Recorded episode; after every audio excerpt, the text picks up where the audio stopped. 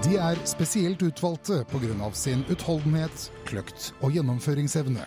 De er kjent og respektert blant våre allierte for sin enestående kampmoral og evne til å løse de tøffeste oppdragene. De er omgitt av mystikk, hemmelighold og myter.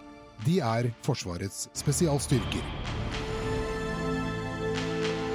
Velkommen hit til en eh, ny episode av Et øyeblikk i en evighet over Lingeloftet. Lingeloftet er jo et slags fristed for eh, spesialstyrkemannskapene, hvor de kan eh, komme og treffes og, og slå seg litt løs. Med meg i dag så har jeg en Ikke tidligere engang, du er fortsatt aktiv, men du var i hvert fall sjef for FSK i sin tid. Velkommen til deg, Brage Larsen. Tusen takk. Du, du er fortsatt yrkesaktiv i Forsvaret men og har kommet så langt at du er blitt oberst. Men det begynte jo ikke der akkurat. Hvor, hvordan kom du inn i Forsvaret? Eh, nei, jeg begynte i Forsvaret i 1993. Og jeg er født og oppvokst i Trondheim med en far som har en brennende interesse for Forsvaret. Så det var befalsskole som var det naturlige valget når jeg skulle avtjene førstegangstjeneste. Så jeg begynte på befalsskolen for infanteri i Trondheim i 1993. Og det var sånn helt bevisst valg? Det var, det var noe du ville? Det var et uh, bevisst valg. Jeg visste jo at jeg skulle avtjene førstegangstjeneste, og tenkte at uh, man kan ta to år og få med seg en lederutdanning uh, på kjøpet. Uh, så det var liksom der det begynte. Og da følger du med et pliktår? Det gjør det, og da var jeg på Evjemoen på infanteriets øvingsavdeling nummer to som, som sersjant, og det trivdes jeg så godt med at det var helt naturlig å søke krigsskolen etterpå. Så du gikk fra én rekruttskole til en annen, du, egentlig? Ja, det gjorde jeg, eh, på mange måter. Så krigsskolen fra 95 til, til 97 på, på Linderud. Og når du kommer ut fra krigsskolen, da, da, må det jo bli noe her i verden. Da måtte du jo dra et sted? Ja, da ble jeg sendt helt til Nord-Norge og Kirkenes, eh, grensa til Russland. Som er høyaktuelt eh, i, i, dag, eh, og jobba der eh, i, i, fire år. Og i den perioden så var jeg også da deployert eh, til både Bosnia og Kosovo. Ok, Så du fikk med deg, du fikk med deg Balkan? Ja, det gjorde det. Hvilken egenskap da? Altså, hva, hva gjorde du? Jeg var troppssjef eh, både i Bosnia og i Kosovo for eh, geværtroppa. Hvordan var den opplevelsen? Eh, det var en veldig positiv opplevelse på mange måter. Lærerik. Det å få lov til å jobbe med soldater som ville det her, som var profesjonelle, som på mange måter hadde mer erfaring enn det. fordi det var jo på den tida hvor man ble satt opp på eh, JAR og reiste ut med frivillige mannskaper som aktivt hadde søkt seg inn, og som hadde mange kontingenter fra før av, både i Libanon og i Bosnia. Så du lærte litt av si, den gamle, uh, gamle, doktrinen, kan vi kalle det det? Ja da, det var, det var lærerikt. Og det var også noe av årsaken til at uh, jeg ønska å fortsette i Forsvaret. Det å få prøvd seg i yrket som troppssjef ute i skarpe operasjoner. Eh, det ga mersmak. Det kom jo skarpe operasjoner. Vi, vi hadde jo 2001 med 11. september. Da har jeg snakket med flere av dere tidligere som sier at det, det var et slags tidevannskifte. tidevannsskifte. Da skjedde det noe. Ja, akkurat da så var jeg på krigsskolen igjen, eh, på, på KS2. Og jeg husker jo veldig godt at vi satt i i messa på krigsskolen etter lunsj, og så flyene treffer. Da skjønte man jo på mange måter at uh, her kom det til å dukke opp et eller annet i, i andre enden. Og når jeg gikk ut av krigsskolen, så var jo FSK i Afghanistan. Og de hadde jo åpna opp for at folk som ikke hadde bakgrunn fra miljøet før, eh, kunne søke tjeneste der, og det motiverte veldig. Eh, så når jeg var ferdig på krigsskolen i 2003, så, så begynte jeg i, i, FSK.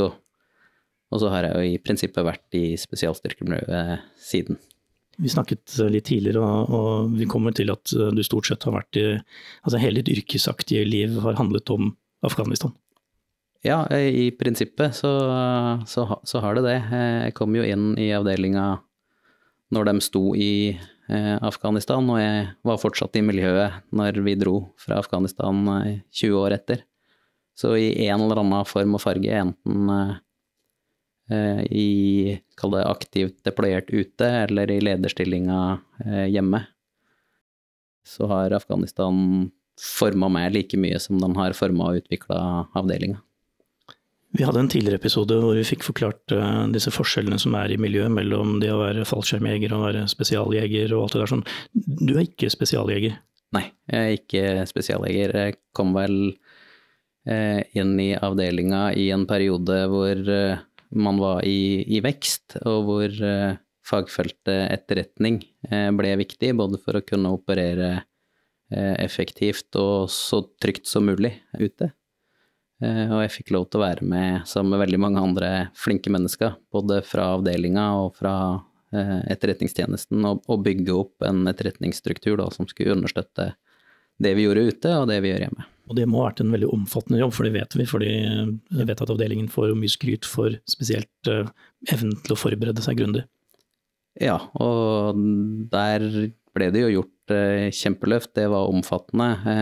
Det var krevende, og det var jo på mange måter Eh, både for å kunne gi sjefa eh, god beslutningsstøtte, men ikke minst eh, de som skulle ut og løse oppdragene. Så god som mulig situasjonsbeskrivelse av hva de kunne møte ute på, på bakken når de skulle gjøre jobben. Og Her kommer vi inn på noe essensielt, fordi sånn som jeg ser for meg det, så, så jobber dere med å forberede, dere kartlegger, dere innhenter opplysninger, og så blir dette til slutt omsatt i reelle operasjonsplaner, og til syvende og sist er det jo noen som skal ned på bakken og så løse disse oppdragene. Og da vil jo du se resultatet ganske umiddelbart og, og, og til dels fysisk hvor god jobb du har gjort. Det må kile noe grusomt i magen når, når du liksom skal få svar på eksamen, for det blir en slags eksamen hver gang. Ja, man eh, Altså, fallhøyden er jo stor. Etterretning er jo ikke eh, noe helt eh, sikkert. Det er jo på mange måter snakk om å predikere noe som skal skje i, i fremtida. Og man, man, sitter jo med en eh, eh, sommerfugl i, i magen eh, når man ser eh, hva som skjer eh, ute på bakken. Stemmer det med det man faktisk har predikert? lykkes vi med den operasjonen vi skal gjennomføre? Og ikke minst, kommer alle hjem igjen? Og det er jo noe man tenker på, selv om man sitter inne når eh, operasjonen gjennomføres ute. Ja, for det er jo ikke til å komme fra at det er jo en, en risiko med alle slike operasjoner, at uh, noe kan gå galt, noe, og noe har jo gått galt uh, også. Hvor mange runder hadde du i Afghanistan? Jeg var i Afghanistan eh, seks ganger. første gangen i 2005 og siste gangen i 2013. Og gjennom da så hadde du ganske mange operasjoner som du var involvert i, og, og også sjef for? Ja, den siste perioden så var jeg jo sjef for, for bidraget i, i, Kabul, og fram til da så jobba jeg stort sett på, på etterretningssida med å kartlegge, forberede både sjefer som skulle ta tøffe beslutninger, og de som skulle ut på bakken og gjennomføre operasjonen. Fikk du noen gang følelsen at uh, oi, uh, grundighet i trygghet, men nå er jeg ikke trygg, nå er jeg på dypt vann her. Kilte i magen? Ja, nei, jeg tror eh, altså grundighet i trygghet, den, den, står seg jo i alt uh, vi, vi, gjør. Men uh, det, han, det, handler jo om, om, risikohåndtering, og du får jo aldri tatt bort uh, alt. Man føler jo et enormt ansvar, selv om man ikke er nødvendigvis da hjemme ut på bakken, for at du har forberedt de som skal gjøre jobben så godt som overhodet mulig på hva de kan møte der ute. Var du noen gang med ute på operasjonene, og, og, og var liksom der som metallet møter, møter kroppene? Ja, et par ganger i min siste periode som, som sjef, eh, når vi da hadde angrep i Kabul som CRU-en responderte på, eh, så var man jo ute og mentorerte på forskjellige nivå. Så i den siste perioden så var jeg ute et, et par ganger og mentorerte da sjef CRU eh, i forhold til hvordan han skulle gjøre jobben eh, der ute. Hvor nærme var man da eh, der det skjedde, liksom? Nei, det var jo veldig situasjonsbestemt, men eh, man sto for min del ikke på målet, men i umiddelbar tilknytning til målet, der man liksom kan bidra til å dirigere ressursene som trengs eh, inn mot der jobben gjøres. Blir det en egen dimensjon når du selv liksom fysisk er i nærheten og, og har eh, ja, altså du, du beveger deg inn i et område som begynner å bli utrygt? Ja, ja, men på mange måter så føler man jo kanskje at man har mer kontroll på situasjonen når man er der, eh, enn når man sitter inne og lytter på sambanen eller eh, ser det på TV.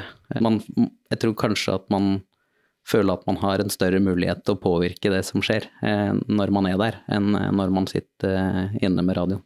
Var det noen ganger du liksom hadde lyst til å, å løpe fram sjøl og bare si at nå, nå må jeg ta litt hånd i hanske her? Nei, veit du hva, det, det, er det andre som kan eh, bedre enn en meg. Så eh, det, den tanken slo meg aldri. Eh, jeg gjorde jobben min der, der jeg sto, og det er vel det er ingen grunn til at jeg skal løpe fram. Det er de som virkelig er spesialjegere og kan det, gjør jobben sin. Kan du beskrive følelsen når, når ting er over? Dere kjører jo debrief for alt mulig rart.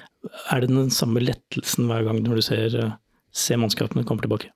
Ja, for min del så har det vært det hver eneste gang. Eh, den steinen eller sommerfuglen man, man, har i magen mens ting eh, pågår, den, den, forsvinner relativt umiddelbart når man ser alle komme inn porten. Og det er litt det samme når man reiser derfra og har gjort jobben sin én kontingent til, eh, og får med seg alle hjem, så, så, er det jo ingen tvil om at eh, det, det ansvaret som har tynga mens du er ute, eh, som er tungt å bære, selv om man ikke er med aktivt ute og, og gjør operasjonene, det, det, tar litt tid, men altså, sjefa trenger også å debrife, roe seg og det sette fra seg den ryggsekken man går og bærer på. Så, men jeg skal ikke si at man har et lettelsens sukk, men selvfølgelig er man glad og stolt uh, når man har med seg alle hjem igjen etter å ha gjort en god jobb ute. Du er inne på noe ganske vesentlig, dette med at sjefen trenger også å debrifes og lande. Det er noe vi ofte ikke tenker på, at, uh, fordi sjefen er jo bare sjefen. Men i den rollen du hadde da, hvor tungt kjente du det? Altså, ble du også sliten? Ja, jeg tror ikke du tenker så mye på det mens du står eh, i det. Så er man eh, sjef ute, så, så, så kan man ikke gå rundt og tenke på ansvaret i, i hverdagen. Men eh, underbevisst så, så veit du jo at det er der, og at du ikke kan løpe fra det. Og så merker man det når man kommer hjem, at det kanskje har gjort deg mer sliten enn det du tenkte på når du var ute. Brukte du noen gang lengre tid på, skal vi kalle det, lande? Ja, jeg har jo stort sett reist hjem sammen med avdelinga, eh, som har veldig gode rutiner for å debrife eh, før vi reiser hjem til venner og kjente. Og da bruker man kortere tid enn eh, hvis man ikke får den muligheten. Jeg har også da, når jeg reiste igjen som sjef i 2013, eh, så dro jeg jo mens avdelinga fortsatt sto igjen ute. Og da kom man rett hjem eh, uten å ha noen å det, snakke med om hva man har, eh, har, opplevd. Og jeg er ganske sikker på at hvis, hvis, kona mi får lov til å velge, så vil hun heller ha meg hjem en uke senere, eh, ferdig landa, enn eh, dagen etter at du sto ute på en operasjon eh, i Afghanistan ja, alle som har vært gjennom en sånn type overgang, enten du er fra Libanon eller Balkan eller Somalia eller Afghanistan, vil jo kjenne igjen det du sier nå. Hvor viktig er det for uh, det å kunne fungere kjapt igjen, at du får tenkt gjennom og tatt deg tid, og ikke bare bli kasta rett ut i hverdagen? Jeg tror det er helt uh, essensielt, det å kalle det gjøre seg ferdig uh, med det du har opplevd ute. resette, kall det termometeret og så gå i gang igjen. Eh, det tror jeg er viktig, eh, sånn at du ikke drar strikken for langt og potensielt helt av den rykk. Du gikk fra å ha en rolle i organisasjonen til å bli sjef. Hvordan var den overgangen? Vi vet jo at det er ganske klare krav til, til lederskap i avdelingen. Ja, nei, altså jeg er jo veldig glad for at jeg fikk den uh, muligheten. Jeg tenker vel også at uh, det er høydepunktet i en militær karriere, å få lov til å være sjef for Forsvarets spesialkommando. Det var jo ikke noe jeg egentlig tenkte på at jeg kunne bli, eh, før jeg fikk lov til å gå på som eh, sjef i 2017. Eh, og det er jo en jobb man går til med eh, ærefrykt. Man veit at eh, man skal lede en eh, profesjonell avdeling hvor sjefa og avdelinga har lykkes hele veien før, og så setter man seg jo da i en stol hvor man har ansvaret for alt den avdelinga skal gjøre den perioden du får lov til å være sjef. Og det man driver med av trening, øving og ikke minst operasjoner, innebærer jo eh, risiko. Og det er jo et ansvar eh, å sørge for å det, håndtere den risikoen på en best mulig måte. Det er kanskje et litt dumt spørsmål, men, men, var du noen gang redd for å ikke holde mål? At du ikke skulle nå opp og ikke klare å innfri? Jeg, jeg, jeg, tror ikke at jeg var redd for det, og man går jo selvfølgelig til en sånn jobb eh, med ærefrykt, men også med selvtillit. Og så er man jo veldig klar over at eh, når man går inn der som sjef, så er det en avdeling som skal levere, og som skal spille seg selv og sjefen god. Eh, så man har jo en trygghet også når man går inn der, fordi at man kjenner folket, man kjenner avdelinga. Man veit eh, hva som kreves. Så jeg hadde aldri noe sånn redsel for å, for å mislykkes, men man er jo selvfølgelig spent på om man kan det mestre oppgaven. Gjennom tiden i Afghanistan så tok avdelingen også tap. Hvor intimt og hvor personlig kjenner du hver enkelt spesialsoldat? Og hvor liksom blir du, blir du, engstelig på deres vegne når de er der ute? Altså hvor personlig blir det? Jeg var jo i Afghanistan i 2007 når vi mista Tor Arne. Og jeg kjente jo ikke han like godt som uh, spesialjegerne, men uh, han var jo en markant skikkelse i avdelinga som alle visste godt hvem uh, var, og som man faktisk hadde et personlig forhold til. og da blir det jo veldig tett og nært. Og man husker jo dagen eh, eh, hvert år, og tenker litt ekstra eh, da. Eh, jeg kan ikke navnet på absolutt alle i avdelinga når man sitter i stolen, eh, men med en gang du ser ansiktet, så vet du jo hva de heter, og hvilken rolle de eh, har i avdelinga. Jeg, jeg tror ikke jeg har vært engstelig på deres vegne, men jeg har tenkt mye på at til syvende og sist så er det liksom sjefen som sitter med ansvaret for å ta avgjørelsene om vi skal eller ikke skal, og som også da i prinsippet ber andre om å utsette seg for, for fare.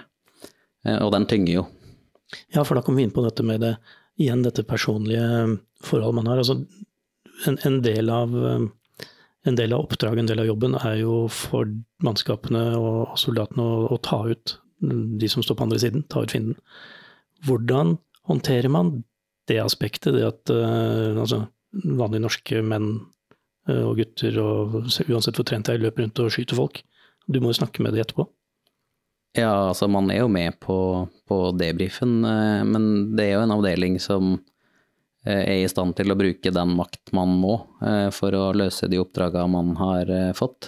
Og altså, man er jo også veldig trygg på akkurat den dimensjonen. Så hvis hvis en spesialjeger ute på bakken er nødt til å håndtere en trussel, enten mot seg selv eller andre, eh, med å ta et liv, så veit man jo at eh, da var det nødvendig. Eh, og man veit jo også at de er i stand til å håndtere det, for det er de jo trent og utrusta for. Og så har man jo rutiner i avdelinga for å håndtere det både rett etterpå og kall det gjennom tiden. Med en makker som står der last og brast, og et system for å ivareta, og, og sjefen er jo en del av det systemet. Mange av de operasjonene som, som, dere gjennomførte, og som du var en del av, er jo ganske komplekse. Uh, I den forstand at det er mange avdelinger, uh, ofte mye etterretning på forhånd, mange ting som skal klaffe. Når du ser tilbake på de operasjonene, og vet utgangen av hele Afghanistan, skal vi kalle det, ikke eventyret, men hele Afghanistan-tiden, var det verdt den innsatsen?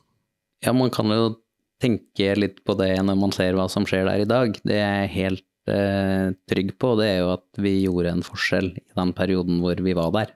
Vi prøvde hver eneste dag eh, å gjøre Kabul til et litt tryggere sted å være. Eh, vi prøvde hver eneste dag å sette CRU-en litt bedre i stand til å håndtere ansvaret for egen eh, sikkerhet, og, og, og det er jo noe man er stolt av, selv om det faktisk da ikke går så bra i Afghanistan i dag.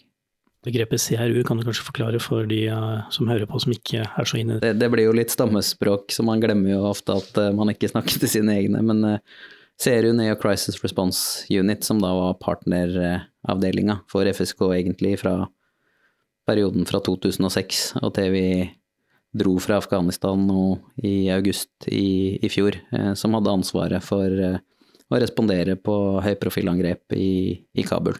Dette er afghanske styrker som, som, dere mentorerer, som dere trener opp og trente opp og lærte opp? Ja, og som, eh, hvor også flere av dem eh, ble evakuert eh, fra Afghanistan i, i fjor, fordi at det ikke var trygt for dem å bli igjen. Ja, det var jo noe medieoppslag om akkurat det, eh, og det er jo godt å vite at eh, en del i hvert fall ble tatt godt vare på eh, i ettertid.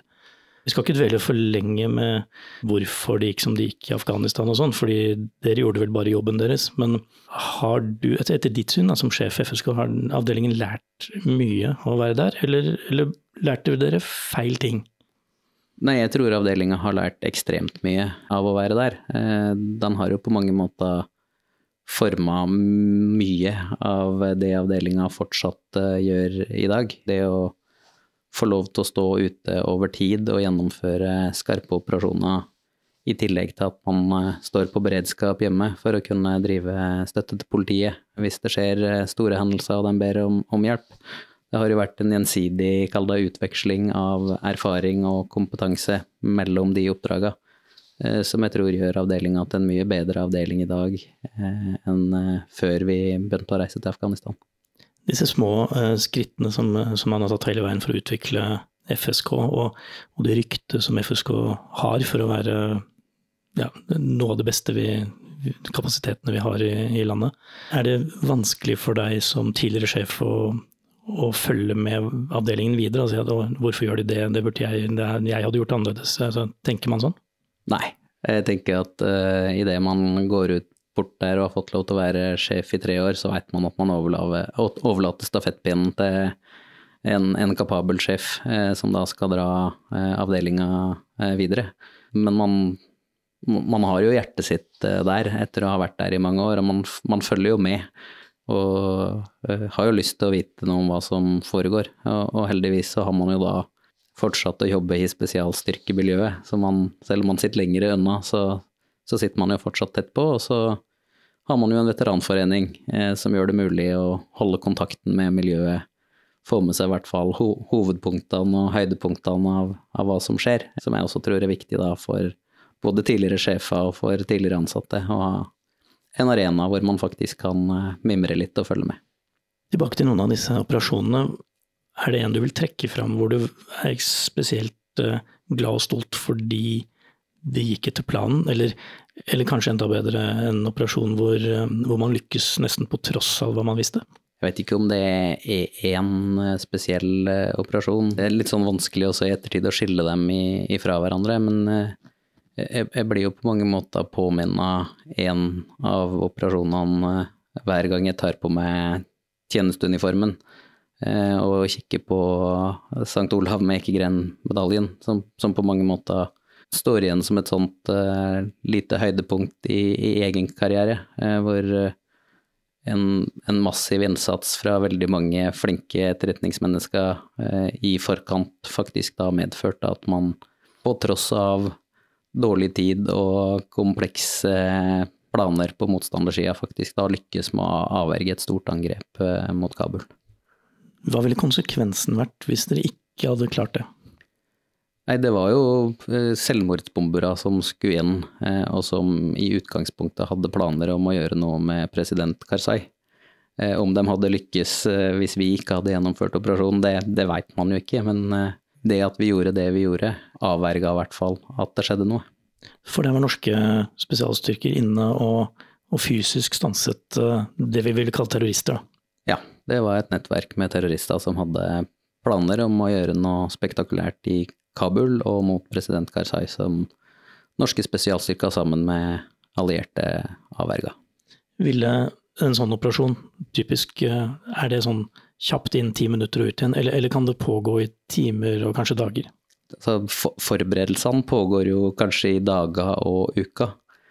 Eh, og når man sitter med et klart nok bilde på hvem var hvor, når og hvorledes, så kan jo selve operasjonen være over på fem til ti minutter.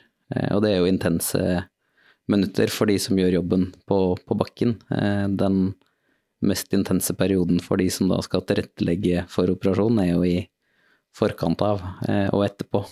Selv om man sitter og er veldig spent når operasjonen går igjen ute på bakken. Vi har hørt i tidligere episoder beskrivelser fra bakken, fra foran der. De som er interessert kan jo høre på episoden med Gjert Grave, som var helt foran. Når du i ettertid hører de beretningene og de fortellingene og hvordan de forteller hvordan de opplevde, er du litt sånn oi, burde jeg ha sendt de ut der, burde vi gjort det på en annen måte? Altså, får du, får en slags sånn, ikke anger, men et ønske om å løse det på en annen måte? Ja, så man har jo alltid et ønske om å gjøre jobben sin eh, litt bedre. Eh, og selv om man på mange måter lykkes med operasjonen på bakken, så strakk man seg jo enda lenger neste gang for å komme de som var ute på bakken i møte, hvis det var et eller annet som ikke stemte med kartet eller eh, terrenget eller situasjonen. Man tar jo alltid en loop eh, tilbake når folk kommer inn igjen, og hører stemte kartet med terrenget, stemte situasjonen på bakken med det vi hadde sagt i forkant, eller var det ikke helt sånn? Du har kommet så langt i karrieren at uh, om du ikke akkurat begynner å se lys i tunnelen, så, så er du jo på, et annet sted, en annen, en annen plass.